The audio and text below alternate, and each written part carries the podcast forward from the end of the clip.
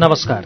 उज्यालो ninety network मार्फत देशभरिका विभिन्न एफएम स्टेशनहरूबाट एकैसाथ प्रसारण भइरहेको कार्यक्रम श्रुति सम्वेकमा प्राविधिक साथी दिनेश निरौलासँगै म अच्युत घिमिरे बुलबुलको स्वागत छ।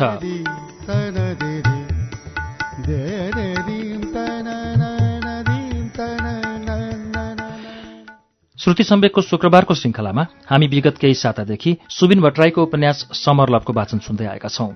आठ श्रृङ्खलासम्म हामीले गएको साता वाचन सुन्यौं। आठौं श्रृङ्खलामा आइपुग्दा साया एकाएक परिवर्तन भएको महसुस गरेको छ अतीतले। उनीहरूबीच च्याटमा मात्रै कुराकानी हुने गरेको थियो र त्यो पनि पातल हुँदै गएको छ। अब अतीत र सायाबीच के होला? सुनौ समरलभको नौ श्रृङ्खला पृष्ठ एक सय छयासीबाट।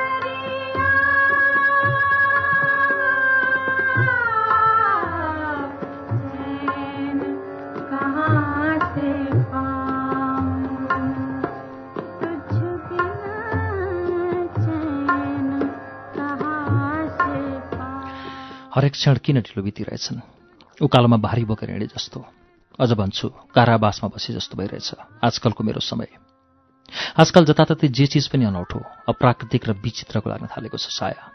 लाग्छ संसारमा सप्तोक ठिक छ। भद्रगोल लथालिङ्ग चरपष्ट। भुइँचालोपछि भत्किएको संरचना जस्तो उराट लाग्दो। तिमीलाई थाहा छैन साया आजकल पहिलो घाँस निल्ने बेलादेखि नै घाँटीमा एकाएक अमन भए जस्तो हुन्छ। बतबती छाती पेट ढाड। घाँटी। खै कता कता हो पोली मात्र रहन्छ। मानौ कसैले सलाई कोरेर भित्र फालिदिएको छ। जससँग जससँग तर्साइरहने हरर फिल्मको झट्का जस्तो। कहिले आधारात्मै पिउजन्छु कहिले कानमा सुटुक केही अस्पष्ट धमिला आवाजहरू सुन्छु। कहिले काहीँ त सत्य र असत्य हुनु र नहुनु बिचको भिन्नता पनि थाहा पाउन गाह्रो पर्छ।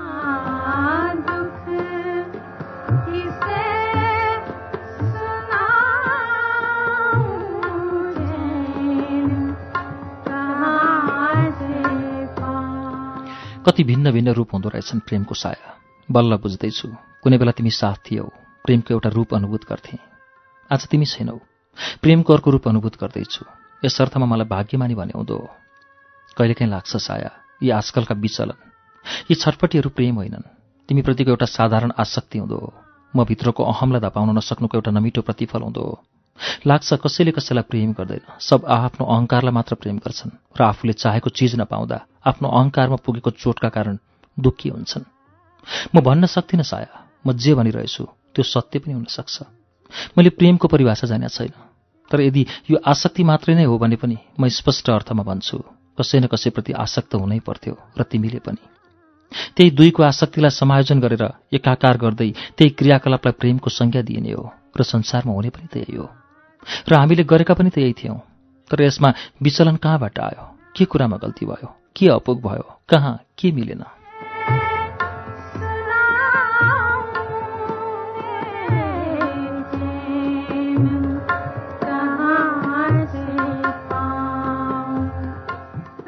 मेरी साया तिमीलाई आजकल सम्झी सम्झी बिर्सन खोजिरहेछु। सत्य ढाँटेको होइन। बरु मरेको मान्छे बिउजदो हो तर तिम्रो स्मृति त्यो अर्धमृत अवस्थामा एकाध पलहरू रहन्छ मेरो मस्तिष्कमा र पुनः स्वस्थ भएर। मलाई नसा नसा भित्रदेखि चिथोर्न थाल्छ। म त्यो पीडादायक क्षण उफ मेरी प्रिय म कसरी बताउँ शब्दमा? संसारका सबै शब्दकोशका शब्द कम हुनेछन्। कुनै शब्द कुनै वाक्य वाक्यांश कुनैले पनि बताउन सक्दैनन् यी पीडादायक क्षणहरूको। कति काली लाग्दो कति भयानक। मानौ हजारौं फिट माथिबाट म खसेको छु। निराधार या कुनै चिसो पानीमा क्रमशः डुब्दैछु। र कठाङ्ग्रिँदै एक एक फिट डुब्ने क्रम भइरहेछ। छेडै पछि निसासी रहनु। मानौ आधा रातमा सुतिरहेको बेला कसैले घाँटी थिचिरहेको छ मेरो।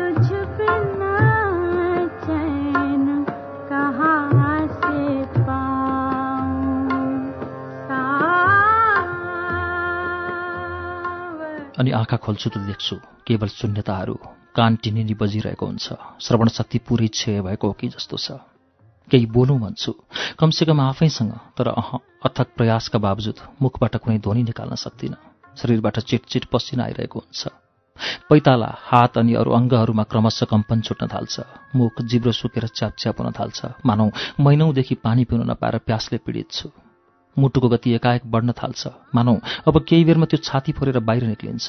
मस्तिष्कभित्र हजारौं थरीका कल्याङ बल्याङ एकसाथ ढ्याङ्ग्रो टोकिरहेका हुन्छन् जुन बेला म सोच्न त परै जाओस्।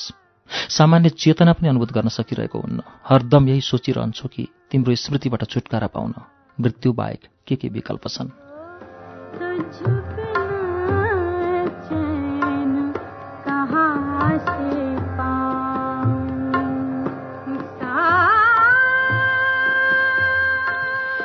मेरी प्रिय तिमीलाई मैले एउटी प्रेमिकामा मात्र कहिल्यै सीमित राखिनँ। तिमीले मलाई जे दियौ त्यसलाई प्रेम मात्र कहिल्यै सोचिन। प्रेमिका सबका हुन्छन् प्रेम सबले गर्छन्। तिमी त मेरो अभिभावक थियौ। विगत तीन वर्षदेखि म तिम्रै निर्देशनमा तिम्रै नेतृत्वमा चलिरहेको थिएँ।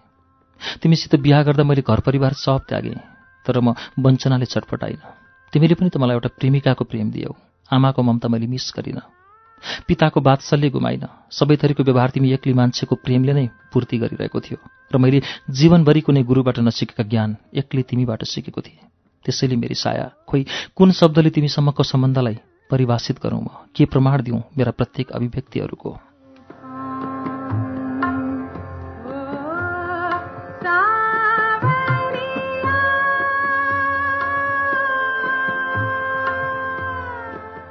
तिमी कुनै कुरा पनि ठिक मात्रामा किन गर्न जान्दिनौ साया? प्रेम गर्दा पनि उत्पातै गरी गर्यौ रुवाउने गरी। अहिले यो घृणा यसरी मसितको सम्बन्धलाई त्याग्नु घृणा नै त हो। यो घृणा पनि उत्पातै गरिरहेकी छौ अनि यी चोटहरूमा मैले मलमपट्टि नलगाउन खोजेको पनि होइन। तर मेरी प्रिय मेरा प्रयासहरू कति विफल भएका छन् र ती आफ्नो दुर्बलताको झ्याली पिट्दै मेरा सामान्य यसरी प्रतिबिम्बित हुन्छन्। मानौ ऐना अगाडि उभिँदा त्यसले मेरो प्रतिबिम्ब होइन असफलतालाई प्रत्यावर्तित गरिरहेछ। तिमीलाई विस्मृत गराउन कुनै क्षण कतै जड भएर बसेको हुन्छु। लाग्छ क्षणभरमै तिम्रो स्मृति शून्यमा कतै विलिन हुनेछ। तर यो कप्टी मस्तिष्कको विचार मोहको अठाग्रहले म आफूलाई कमसेकम त्यो परिस्थितिमा क्षत विक्षत भएको पाउँछु। परिस्थिति पुनः केही बेर अघिको सूक्ष्म विचारहरूको चित्रलाई क्रमशः स्थूल बनाउँदै लैजान थाल्छन् र अन्त्यमा त्यो काटीकुटी तिम्रै प्रतिबिम्ब भएर बिउतिन्छ। मस्तिष्कको कुन कुनामा कता कुन नसा कुन कोशिका या कुन तत्त्व हो आखिर त्यो जसले तिम्रो प्रतिबिम्बलाई बारम्बार जगाइरहेछ र म बाध्य हुन्छु बेला बेला क्षत विच्छेद हुनलाई।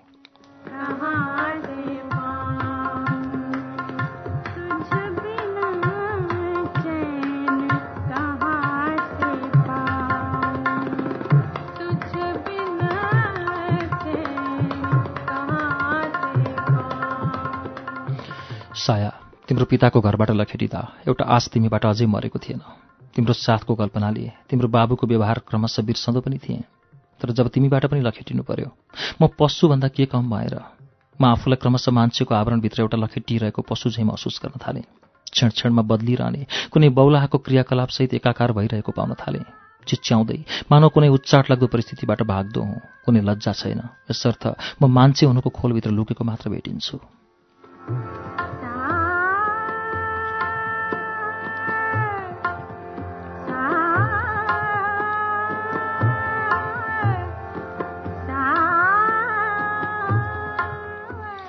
हो साया मलाई बेसरी चिच्याउन मन लागिरहेछ। सारा बन्देज सारा मान्छे हुनुको न्यूनतम शर्तको कसाईबाट छिनिएर। एउटा यस्तो दिशातर्फ जान मन लागिरहेछ जहाँ म कहिले उपेक्षित नहौँ। या मेरो चेतनाले म प्रतिको कुनै पनि किसिमको व्यवहारलाई उपेक्षित प्रमाणित नगरोस्। म भित्रको विचलन यी छटपट्टि कुनै दिन हावाको झोकाले आफूमा समाहित गर्दै तिम्रो देशसम्म लगिदियोस् र तिमीलाई सूचित गराओस् म कुन छटपट्टिमा बाँचिरहेको छु। त्यसको अनुभूति तिमीले गर्नै पर्छ। मेरा यी पीडाहरूमाबाट उछिटिएर तिमीसम्म पुग्नै पर्छ साया। मेरो दुःख देखेर नपग्लने पनि मेरा यी दिन तिमीले बुझ्नै पर्छ।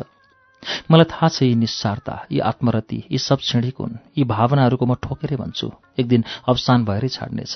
यिनले शरीरबाट मोक्ष पाउनै पर्छ। बस त्यही समयको प्रतीक्षामा छु।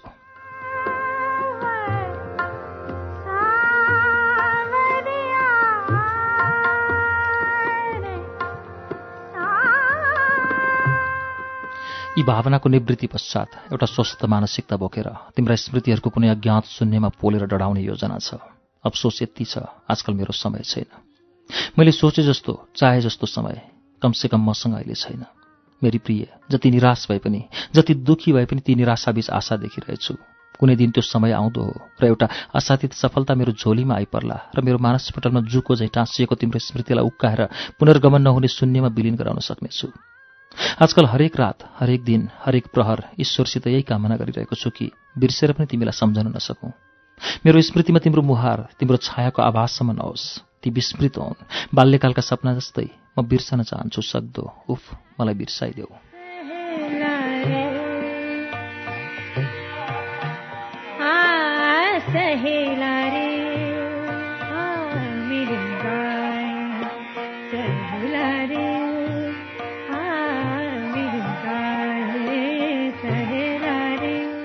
दसैँले देशलाई नै छ्याप्पै छोप्न लागेको थियो। अफिस पनि दस दिनलाई बन्द हुँदै थियो। घर जाउँ नजाउँको दोसाँधमा थिएँ। त्यो सायासित बिहा गर्दैछु भन्ने जानकारी दिएदेखि घरबाट एक कल फोन पनि आएको थिएन। आमा बुवा मसँग रिसाएका छन्। थाहा थियो। स्वास्नीले पनि छोडिदिएको अवस्था थियो। यी सब कुराको स्पष्टीकरण दिने हालतमा म थिइनँ। घर नजाने निर्णय गरेँ। र दसैँको छुट्टी धनगढीमा बिताउने भएँ। एक्लै।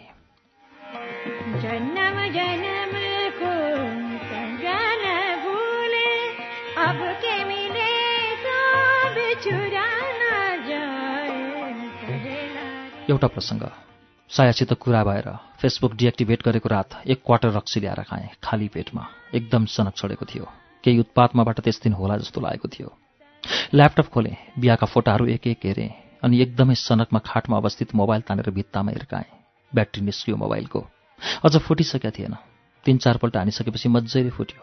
ब्याट्री र मोबाइलका टुक्राहरू बटुलेर घर बाहिर निस्की पर बाटोमा हुर्क्याइदिएँ त्यो फालिसकेपछि मुटु धेरै नै डुकडुक गरिरहेको थियो र केही बेरमा आनन्द लाग्यो क्षणभरकै लागि भए पनि।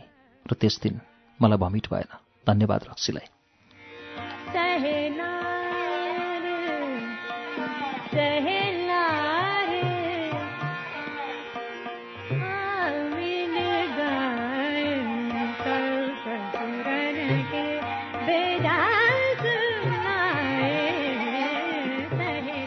त्यसपछि त के थियो र? रक्सीसित मित्रतै भयो मेरो। उसले साथ जो दिएको थियो मेरो शरीरलाई। दिन त धनगढी बजारको चहल पहल हेर्नमा बित्थ्यो। जे जे भए पनि दिउँसो एकछिन निस्कन्थे यत्तिकै भौतारिँदै तर रात। कति भयानक हुन्छ रात। कालो निष्पट्ट र शून्य। अनि त रक्सी नखाइ हुन्थ्यो र त्यसमाथि दसैँ लागेको बेला। बडो अनौठो लागिरहेको थियो आफैसँग। साविकका दसैँभन्दा पुरै भिन्न थियो मेरो दसैँ। नेपालभरि दुनियाँलाई दसैँ लागेको थियो। धनगढीवासीलाई पनि लागेको थियो। तर सबभन्दा धेरै दसैँ त मलाई लागेको थियो। दस दिनको छुट्टी थियो। अरूलाई यही छुट्टीले पुग्दैन। मलाई भने यो जति लामो दसैँ कहिले लागेन? कति एक्लो प्राणी म? फगत एउटा कोठा र म। कोठा? त्यो पनि सामान केही नभएको। एक्लोपनामा त पैसाले पनि साथ नदिँदो रहेछ। बैङ्कमा टन्न पैसा थियो। तर त्यो कहाँ खर्च गर्नु? कसका लागि गर्नु? मेरो खर्च। दिनमा जम्मा एक क्वार्टर रक्सी केही चुरोट र एक साग भात। बेलुकी त खानै मन नलाग्ने। साला पैसा खर्च गर्ने पनि ठाउँ छैन। त्यसपछिका मेरा प्रत्येक रात प्रतिलिपि बन्दै आए।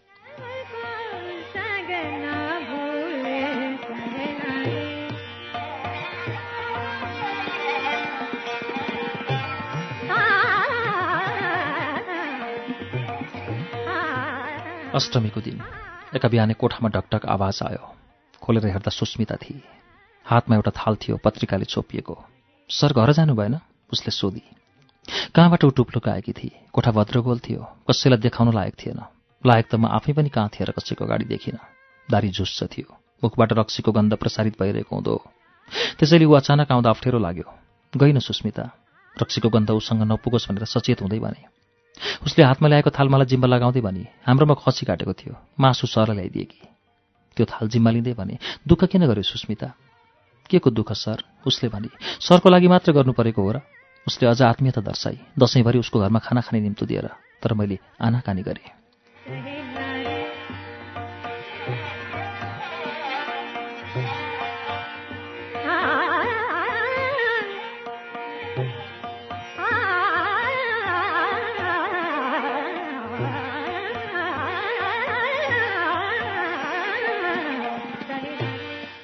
उसले खाना मेरै कोठामा ल्याइदिन्छु भने मलाई स्थिति झन् असहज भए चाहिँ लाग्यो।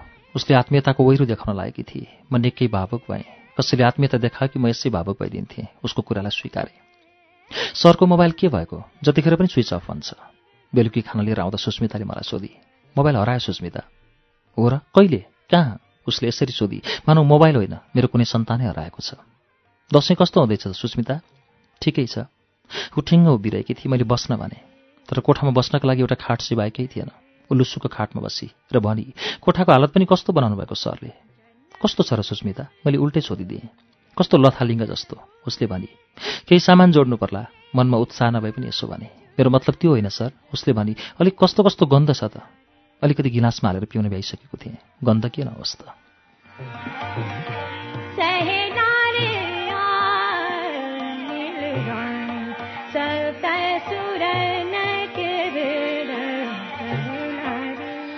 दसैँ लागेछ सुस्मिता मलाई पनि। पिउँदै गरेको रक्सीको गिलास देखाइदिएँ ऊ हाँसी। उसले ल्याइदिएको खाना खान लागे। ऊ मेरो कोठाको सरसफाइ गरिदिन लागि र खाटामुनिबाट दुई तिनवटा रक्सीका खाली बोतल निकाल्दै भने गन्ध उत्पादन गर्ने त यहाँ रहेछन् नि। म मन नलागि नलागि हाँसेँ। सुस्मिता बिहान बेलुकी आउन थाली खाना लिएर उसले त्यसरी खाना नल्याइदिएको भए मेरा कैयौँ छाक गुज्रिन्थ्यो होला। ऊ मेरो अगलतिर आएर मसित दुई शब्द नबोलिदिएकी भए मेरा असङ्ख्य पल नैराश्यमा बित्थे होलान्। म प्रति कमसेकम परिस्थितिले ती दसैँका दिनमा यति इमान्दारी देखाइदिएको थियो कि म फगत एक्लै व्यवहारिसी झैँ कतै हराउन पाइनँ। सुस्मिता कुनै कुनै दिन दिउँसो पनि आइदिन्थे। त्यस्तै एक दिन भनी कति गुम्म पारेर राख्न सक्नुभयो सरले कोठा अनि ड्याममा लगाइएका पर्दाहरू उघारिदिए।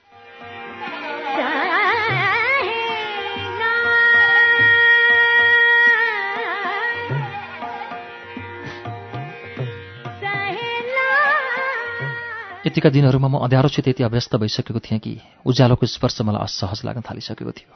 पर्दा नखोलेकै भए हुन्थ्यो सुस्मिता। मैले भने उज्यालोसित कुनै दुश्मनी सर? उसले मस्किँदै सोधे। दोस्ती पनि छैन सुस्मिता। त्यसो भए दोस्ती गर्नुहोस्। यसैमा फाइदा छ। कुचो लगाउँदै उसले भने डर लाग्छ। जबरजस्ती हाँस्दै मैले भने उज्यालोदेखि कि दोस्तीदेखि कुचो लगाउँदै सोधी दुवैदेखि मैले भने दुवै चिज फाइदाजनक छ सर। उसले कुर्ताको सल कम्मरमा बाँध्दै भने सही ढङ्गले उपयोग गर्न सक्यो भने उपयोग सही ढङ्गले नै गरेको थिएँ। कतै केही बिराए जस्तो लाग्दैन थियो। तर पनि अफाफ सिद्ध भएको थियो। कमसेकम मेरा लागि। झ्यालमा राखेको चुरोटको बट्टाबाट एउटा चुरोट निकालेर सल्काएँ।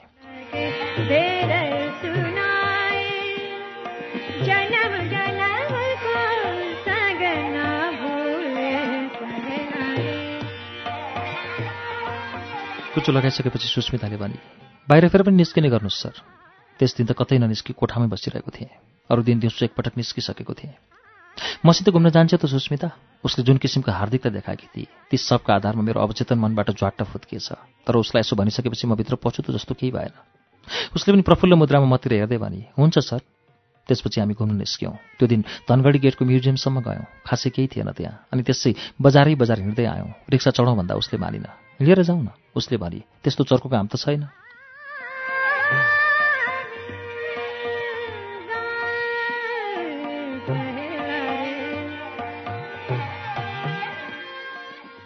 ऊ हरेक दिन त्यसै गरी आउन थाली। हामी हरेक दिन घुम्न निस्कन्थ्यौँ। एक दिन हामी बस चढेर टिकापुर पार्कसम्म गयौँ। टाढा थियो। अर्को एक दिन उसले मलाई दोधारा चाँदनी लगे। त्यहाँ अफिसकै कामको सिलसिलामा पनि गएको थिएँ। तर उसित पनि गएँ। उसका प्रतिको मेरो दृष्टिकोण पहिला जे थियो त्यो तोडिसकेको थियो। चुपचाप लजाएर बसिरहने सङ्कुचित केटी ऊ होइन रहेछ। ऊ यति फरासिली स्वभावकी होली भन्ने मैले कहिल्यै अनुमान पनि गरेको थिएन। अनि उसको परिवारलाई पनि केही आपत्ति थिएन। ऊ त्यसरी म कहाँ आइरहेको? उसको परिवारमा खासै आपत्ति जनाउने कोही थिएन पनि। बुढो रोगी बाबु र पाँचमा पढ्दै गरेकी बहिनी बाहेक त्यहाँमाथि परिवार चलाउने मुख्य मान्छे नै उही थिए। आमा ऊ सानै छँदा मरेकी बताउँथे। घरको अभिभावक नै उही थिए।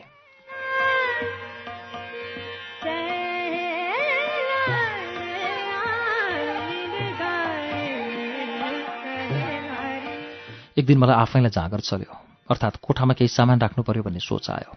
त्यस दिन सुस्मितालाई लिएर फर्निचर किन्न बजार गएँ। एउटा बक्स पलङ किने कार्पेट हालेँ र एक सेट सोफा। उसले निकै सहयोग गरी त्यसमा पनि बल्ल कोठा जस्तो देखियो। कोठा तयार भइसकेपछि उसले दिएको प्रतिक्रिया थियो यो। अनि मलाई केही व्यङ्ग्य मिश्रित आवाजमा भने एउटा कुरा सरलाई घाटा लाग्यो। के? मैले तत्कालै सोधिहालेँ। अब रक्सीको बोतल राख्ने ठाउँ सरलाई भएन। भर्खरै फिट गरिएको बक्स पलङतिर इसारा गरी उसले म हाँसेँ एक दिन उसले मलाई घोडाघोडी ताल देखाउन लगी। त्यो पनि टाढै थियो। धेरै सुनेको थिएँ। वातावरण विज्ञान पढेको विद्यार्थी। घोडाघोडी ताल रामसारमा सूचीकृत पनि थियो। तर त्यहाँ जाने मौका मिलेको थिएन। राजमार्गकै छेउमा रहेछ। बिहेमा आएका साथीहरूलाई देखाइदिन पाएको भए कति खुसी हुन्थ्यो होलान्। होसै भएन। त्यस दिन ऊ हरियो कुर्ता र पाइन्टमा थिए। त्यो ड्रेसमा मैले उसलाई कहिले देखेको थिइनँ जिस्काएँ आज खुब राम्रो देखेकी छेउ नि। उसले फुरुक्क पर्दै भने यो दसैँको लुगा।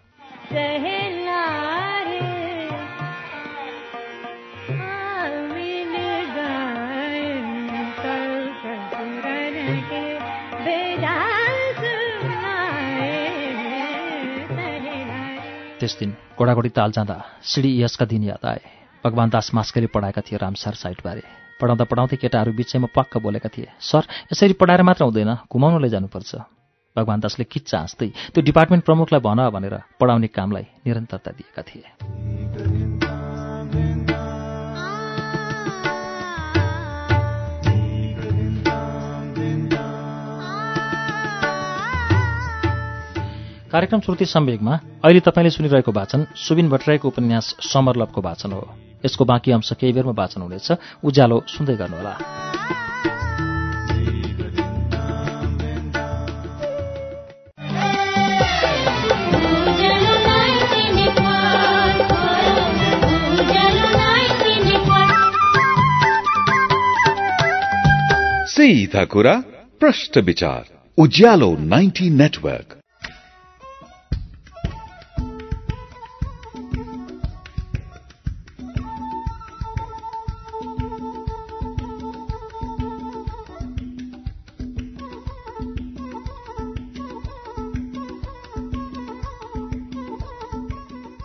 कार्यक्रम श्रुति सम्वेगमा पुनः स्वागत छ। तपाईँ अहिले उज्यालो नाइन्टी नेटवर्क काठमाडौँसँगै देशभरिका विभिन्न एफएम स्टेशनहरूबाट एकैसाथ कार्यक्रम श्रुति सम्वेग सुनिरहनु भएको छ। श्रुति सम्वेगमा हामी आज सुबिन भट्टराईको उपन्यास समरलभको वाचन सुनिरहेका छौं। अब यसको बाँकी अंश वाचन सुनौ।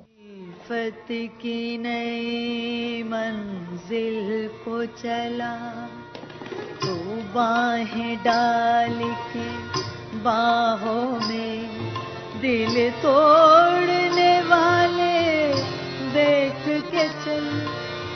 हम भी तो पड़े हैं बाहिर गेटैमा एउटी आमै नाङ्लो पसल थापेर बसेकी थिइन्। एउटा लेज र दुई तिनवटा चुरोट किने। जङ्गलको ढुङ्गा छापेको बाटो हुँदै केही परसम्म पुगेका थियौँ हामी। दुईटा डुङ्गा तालमा थिए। एउटा खाली थियो भने अर्कोमा माझी थियो। जलकुम्बी झारले ताललाई धेरै राखेको रहेछ। जलकुम्बी झार अर्थात् प्रदूषण सूचक। तालको किनारमा लेज खाँदै निकै बेरसम्म बस्यौँ। म चुरोटलाई नै बढी प्रायोरिटी दिइरहेको थिएँ। बोटिङ गर्नुहुन्छ सर? सुस्मिताले सोधी। पाइन्छ र पैसै त हो उसले हाँस्दै भने। रोक्नुहोस् है त? ऊ माझी भएतिर गएर कुरा मिलाएर आई हम भी तो पड़े हैं।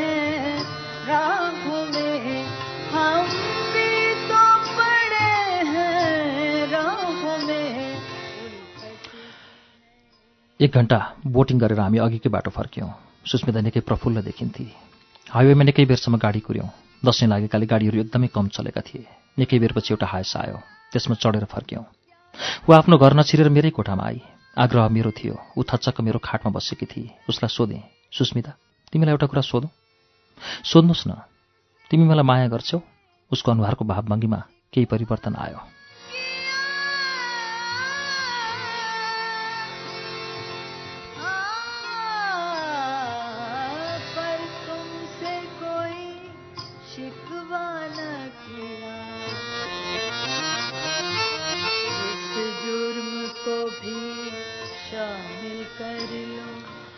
भन न मैले अलिक ढिपी गरेँ। खै कुन्नी उसले आफ्नो आँखा मेरो अनुहारबाट हटाए। उसको अनुहारलाई मैले आफूतिर मोडेर भने मेरो आँखामा सिधा हेरेर भन त। ऊ झन् डराएर भने गर्छु। डराएकी किन त? ऊ लामो लामो सास फेरिरहेकी थिए। उसको छाती उठ्दै बस्दै गरेको म प्रष्ट देखिरहेको थिएँ।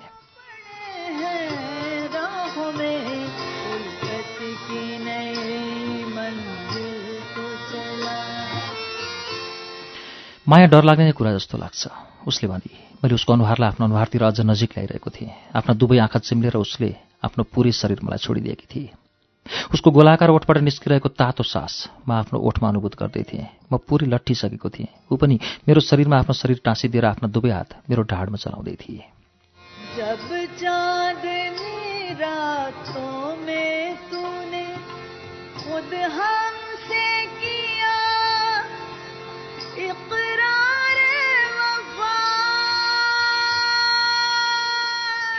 मेरो हात पनि उसको छातीतिर सलबलाइरहेका थिए।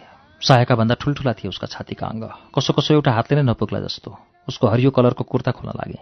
तर त्यो खोल्न नजानेर निकै बेर अल्मलिरहे निकै बेरसम्म। त्यो खोल्ने मेसो नपाएपछि हाँस्दै ऊ आफैले सजिलैसँग खोलिदिए। हाम्रा एक एक कपडा उत्रिँदै गए। उसको डर हराइसकेको थियो भने मेरो लाज पचिसकेको थियो। हामी एकअर्कामा लिन भयौँ। एकछिनको रमाइलो सकिएको थियो। सिगरेट सल्काउँदै ओछ्यानमा यसै पल्टिरहेको थिएँ। ऊ उठेर लुगा लगाउँदै थिए। लुगा लगाइसकेर एकपल्ट हातैले कपाल मिलाएर मसित बिदा मागेर गए।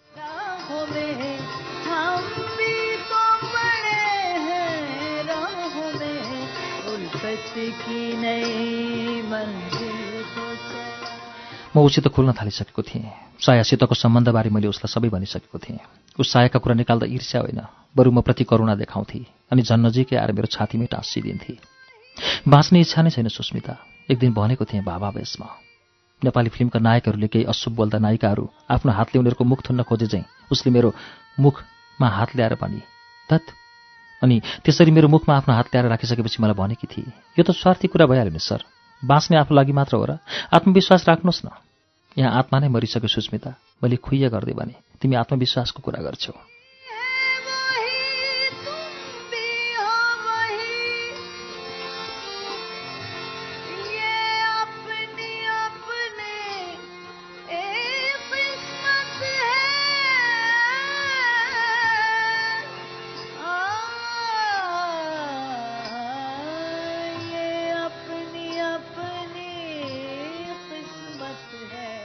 मन्दा हाँस्दै एकपटक मलाई छड्के आँखाले हेरी। मैले विषयान्तर गरेर भने कतिपल्ट सेक्स भइसक्दा पनि तिमी अझै सर भन्छौ मलाई? सेक्स शब्द सुनेर अलिकति लजाई। केटीहरूको यो कुरा पनि अचम्म छ। जुन काम कतिपल्ट गरिसकियो त्यो कुरा शब्दमा भन्दा पनि लजाउँछन्। तैपनि लाजलाई केही नियन्त्रण गर्दै उसले भने अर्थ के भन्नु त? मेरो नाउँ छैन र? मैले भने नाइ हुन्न। उसले भने कस्तो अड लाग्छ? भन्छौ कि भन्दिनौ मैले पनि यसपालि अलिक हप्काउँदै भने ऊ बल्ल बल्ल राजी भई मलाई मेरो नाउँले बोलाउन। तर मेरो नाउँ लिइसकेपछि मसिनो स्वरले सर नभनिरहन सकिनँ।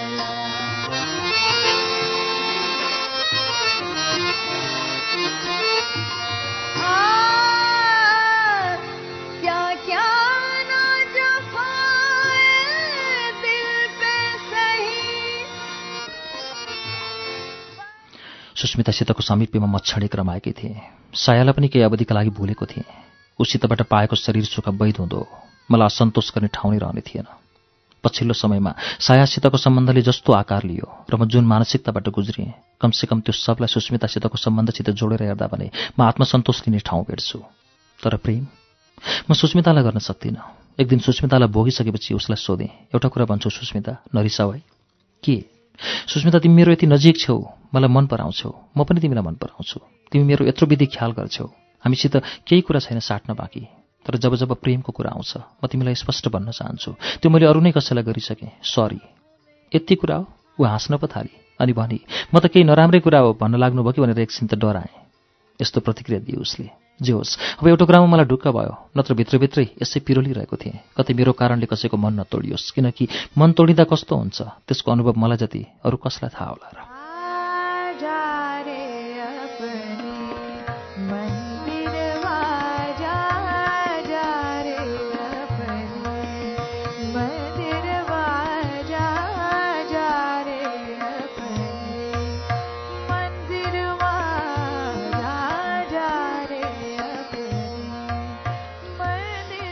सुस्मितासँग जुन किसिमको सम्बन्ध गाँसियो त्यसले मेरो मानसिक विचलनमा केही सुधार ल्यायो। धन्न म धनगढीमा थिएँ। काठमाडौँमा हुँदो हुँदो सायद सुसाइड नै गरिसक्थेँ होला। हाम्रो तीन वर्षको सम्बन्ध काठमाडौँमै ज्यादा मौलाएको थियो। हामी कहाँ कहाँ सँगसँगै गएनौँ। बानेश्वरका त अझ कुनै गल्ली अछुत थिएन जहाँ हाम्रा पाइला नपरेको होस्। पुरै काठमाडौँ उसको यादको आतङ्क क्षेत्र हुन सक्थ्यो। त्यसैले भन्दैछु धन्न म धनगढीमा थिएँ। काठमाडौँ हुँदा उसको जति याद आउने थियो यहाँ हुँदा आउने थिएन र यहाँ सुस्मिता पनि त थिए। तर सुस्मिता जुन रूपमा उपलब्ध भइदिए जुन सम्बन्ध उसँग भयो भित्रभित्रै अपराध बोधले म पिल्छिरहेको पनि थिएँ। मैले उसको शोषण गरिरहेछु कि भन्ने पनि लाग्थ्यो कहिलेकाहीँ। साया जिस्केर पर्वर्ट भन्थे मलाई साँच्चै म पर्वर्ट भएको थिएँ क्यार।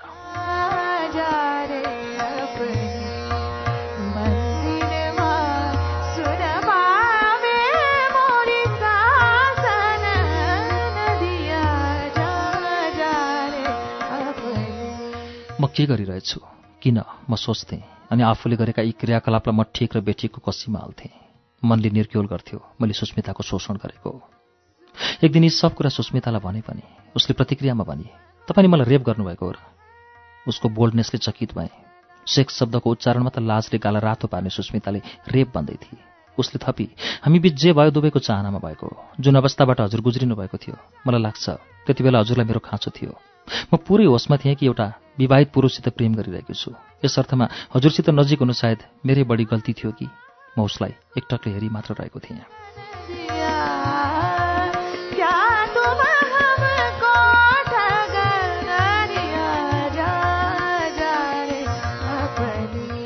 ऊ भन्दै गई म हजुरलाई आदर गर्छु तर जान्दिनँ आदर गर्नेसित यस्तो सम्बन्ध राख्नु उचित हुन्छ कि हुँदैन? सेक्सलाई सधैँ तुच्छ किन भनिन्छ म जान्दिनँ। सेक्स भन्ने बित्तिकै फोहोरी घिनलाग्दो अपराध भन्ने मात्र किन बुझिन्छ? दुवैको सहमतिमा कसैलाई हानि नपुर्याइ गरिँदा पनि यसमा अपराध बोधले किन पिल्चिनुपर्छ उसका कुरा जायज होलान् र सायद हाम्रो सम्बन्ध पनि। तर पनि जुन समाजमा जुन रूपमा हुर्कियो त्यहाँ विद्यमान मूल्य र मान्यतामाथि धावा बोल्न सजिलो कहाँ हुन्थ्यो र? ऊ अपराध बोध गर्दिनँ। आफूमाथि अन्याय भएको महसुस गर्दिनँ र मबाट जे जति पाइ त्योभन्दा बढ्ता केही चाहदिनँ पनि। के उसको प्रकृति अनौठो छैन? बरु मै व्यर्थै उसको तर्फबाट ज्यादा सोचेर आफूलाई उसको नजरमा अपराधी बनाइरहेको थिएँ। अनि अर्को कुरा भित्र कता लागिरहेको थियो। मैले सुस्मितासित जुन सम्बन्ध रचेँ त्यसले सायाप्रतिको निष्ठाबाट च्युत भएको छु। कमसेकम सुस्मिताको तर्फबाट त म लौ कन्भिन्स भएँ पनि। कुनै दिन सायाको अगाडि परेँ भने म सायद उसित ठिकठाक आँखा जुदाउन पनि नसक्दो हुन त सायाले पनि म प्रति कौन चा निष्ठा बाँकी राखेकी छ र वर्षौँदेखि समर्पण र लगनले हुर्काएर जोगाएको म भित्रको गहिरो प्रेमलाई निमेषभरमै जरीदेखि उखेलेर फाल्नु उसको कहाँको निष्ठा थियो र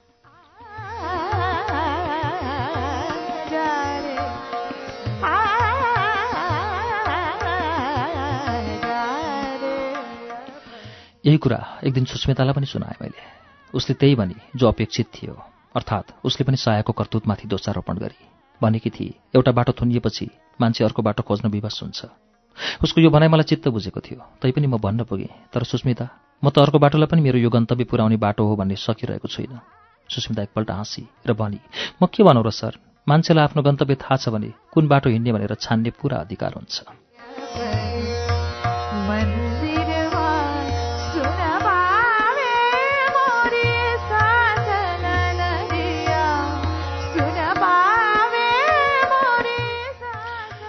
दसैँ पुरै सकिएको थियो। अफिस लाग्न थालिसकेको थियो। तिहार आउन एक हप्ता जति बाँकी हुँदो निद्रा पनि खुलिसकेको थिएन। एका बिहानै ढोका डाक्टर भयो सुस्मिता रहेछ। उसले आफ्नो मोबाइल मलाई दिँदै भने साया दिदीको फोन।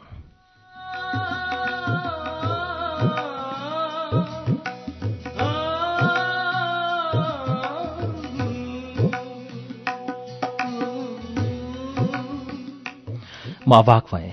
कहाँबाट सायाले सुस्मिताको नम्बर पाए? अनि यो फोन गर्नुको के औचित्य? मेरा हात खुट्टा काँप्न लागे। मुटुको दुखदुखी हात्तै बढ्यो।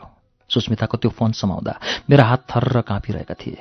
हेलो यसो भन्दा मेरो स्वर पनि थरथराएको थियो। उताबाट सायाको आवाज सुनियो। अतीत कति दिनपछि सुनिरहेको आवाज थियो एकदम थरथराएको आवाज थियो। यही मेरो नाउँ लिएर पुकारिएको एक शब्दले नै एकाएक म भित्र केही भुलुक्क उम्ले जस्तो भयो।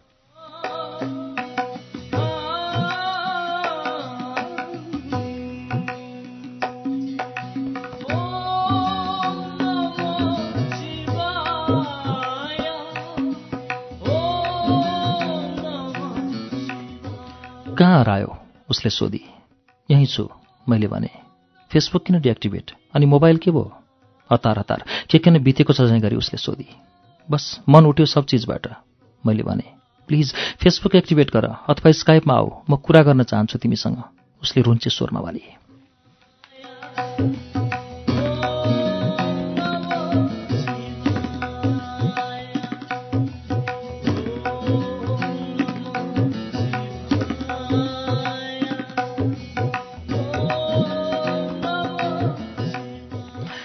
म उत्तिखेरै उसको आवाजले पग्लिसकेको थिएँ। केही आश लाग्न सुरु भएको थियो। तैपनि एकपल्ट भाउ खोजेँ। अब हामी बिच केही छ। म तिमीले भनेको मानु। प्लिज अतिथि एकपल्ट मेरो लागि सायाले जोड गरी। उसले मेरो लागि भनेर इमोसनल ब्ल्याकमेल गरिदिए। मेरो के लागोस्? हुन्छ भनेर फोन राखिदिएँ।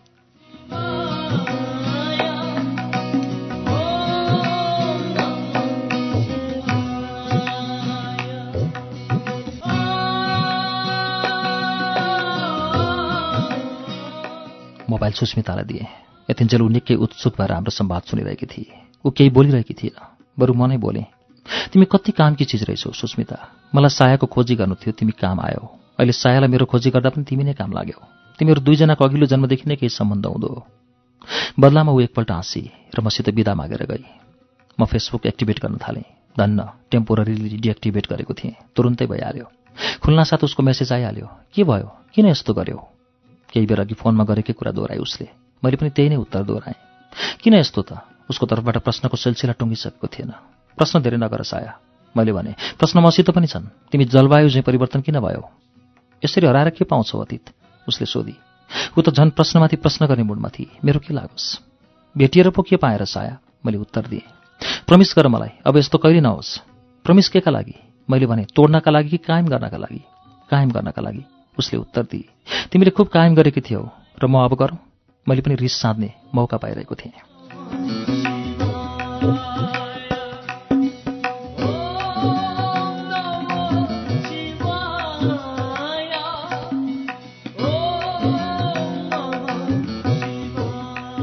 अरू कुरा थाहा छैन। त्यहाँ अर्कोचोटि फेसबुक खोल्दा तिमीलाई देख्न पाऊँ।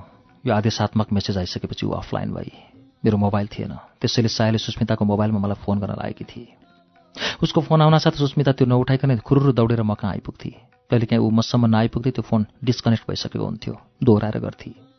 उसले मलाई बारम्बार फोन गरिरहन थाली। स्काइप र फेसबुकमा हाम्रो कुरा भइरहन थाल्यो। फेसबुकमा बेला बेला उदासीले भरिएका स्ट्याटस राख्दा ऊ सम्झाउने खालको कमेन्ट गर्थे। म पनि उसको कमेन्ट लाइक गर्दिनथेँ गर्दिन्थेँ। तर पनि हामी पुरानो सम्बन्धमा फर्केका थिएनौँ। ऊ मेरा हरेक प्रश्नमा मौन बस्दिन्थे। म बोलेको बोले गरिरहन्थेँ एकपछि अर्को प्रश्नका साथ। तर ऊ उदास अनुहारमा घोस्से मुन्टो लगाएर बसेकी हुन्थे।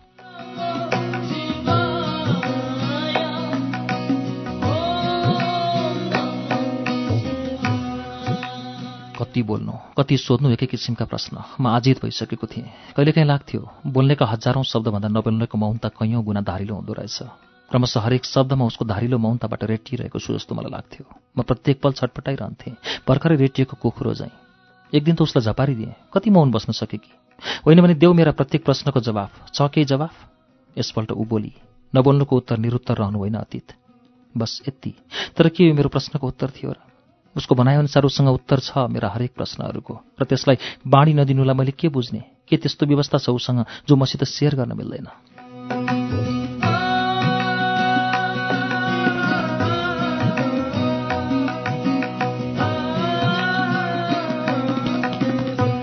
मेरा दिनहरू झन्झन कष्टप्रद हुन थाले। उसले त्यसरी मसित सम्पर्क किन राखी? र म किन उसको आदेशका अघिल्तिर निमेषभरमै पग्लिएँ? मैले आफ्नो अडान किन राख्न सकिनँ? यी यावत प्रश्नले म आफै निमोटिरहन थालेको थिएँ। कमसेकम उसको सम्पर्कको अनुपस्थितिमा सुस्मिता मेरो नजिक हुन थालेकी थिए। उसितको साहचर्य र सामिप्यता म आंशिक रूपमा सायालाई बोल्दै पनि थिएँ। सायाले एक्कासी घाउ झन् बल्झाइदिएकी थिए।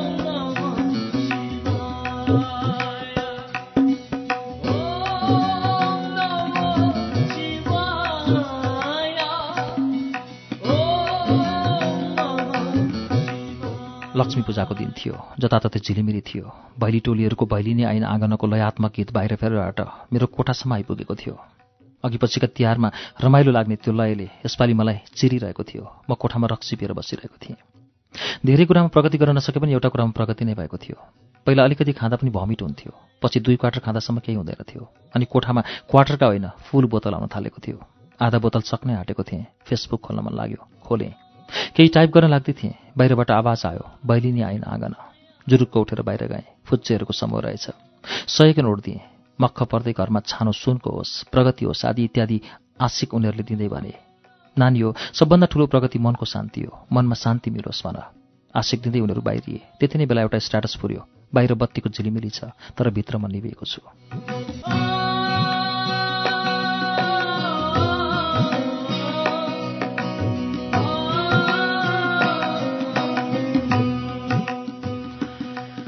फेसबुकमा राखिदिएँ। राखेको दस सेकेन्डमै सायको कमेन्ट आइहाल्यो।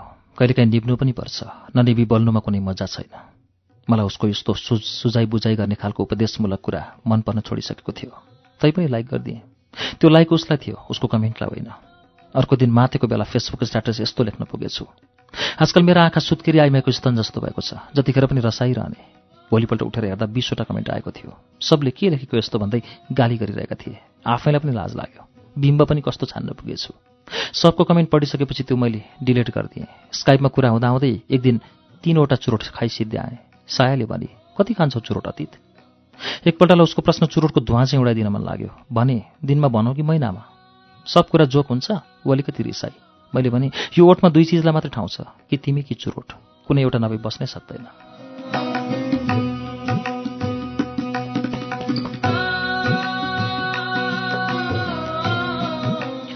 एक दिन स्काइपमा कुरा भइरहेको थियो।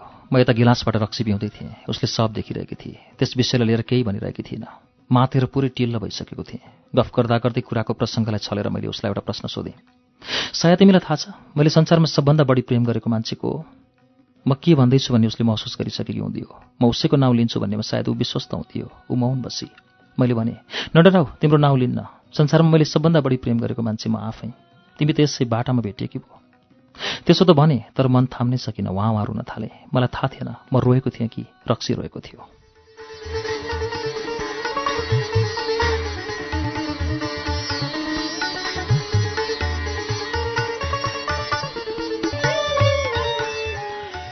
श्रुति सम्वेकमा यतिन्जेल तपाईँ सुबिन भट्टराईको उपन्यास समर लभको वाचन सुन्दै हुनुहुन्थ्यो। यो वाचनसँगै आजलाई श्रुति सम्वेकको समय सकिएको छ।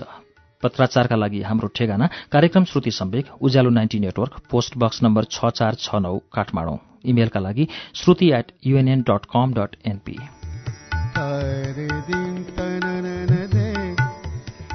हवस् त। अर्को साता समर लभको दशौं श्रृङ्खला लिएर आउनेछौँ। तबसम्मका लागि प्राविधिक साथी दिनेश निरोला र म अच्युत घिमिरे बुलबुल विदा चाहन्छौ। शुभरात्री।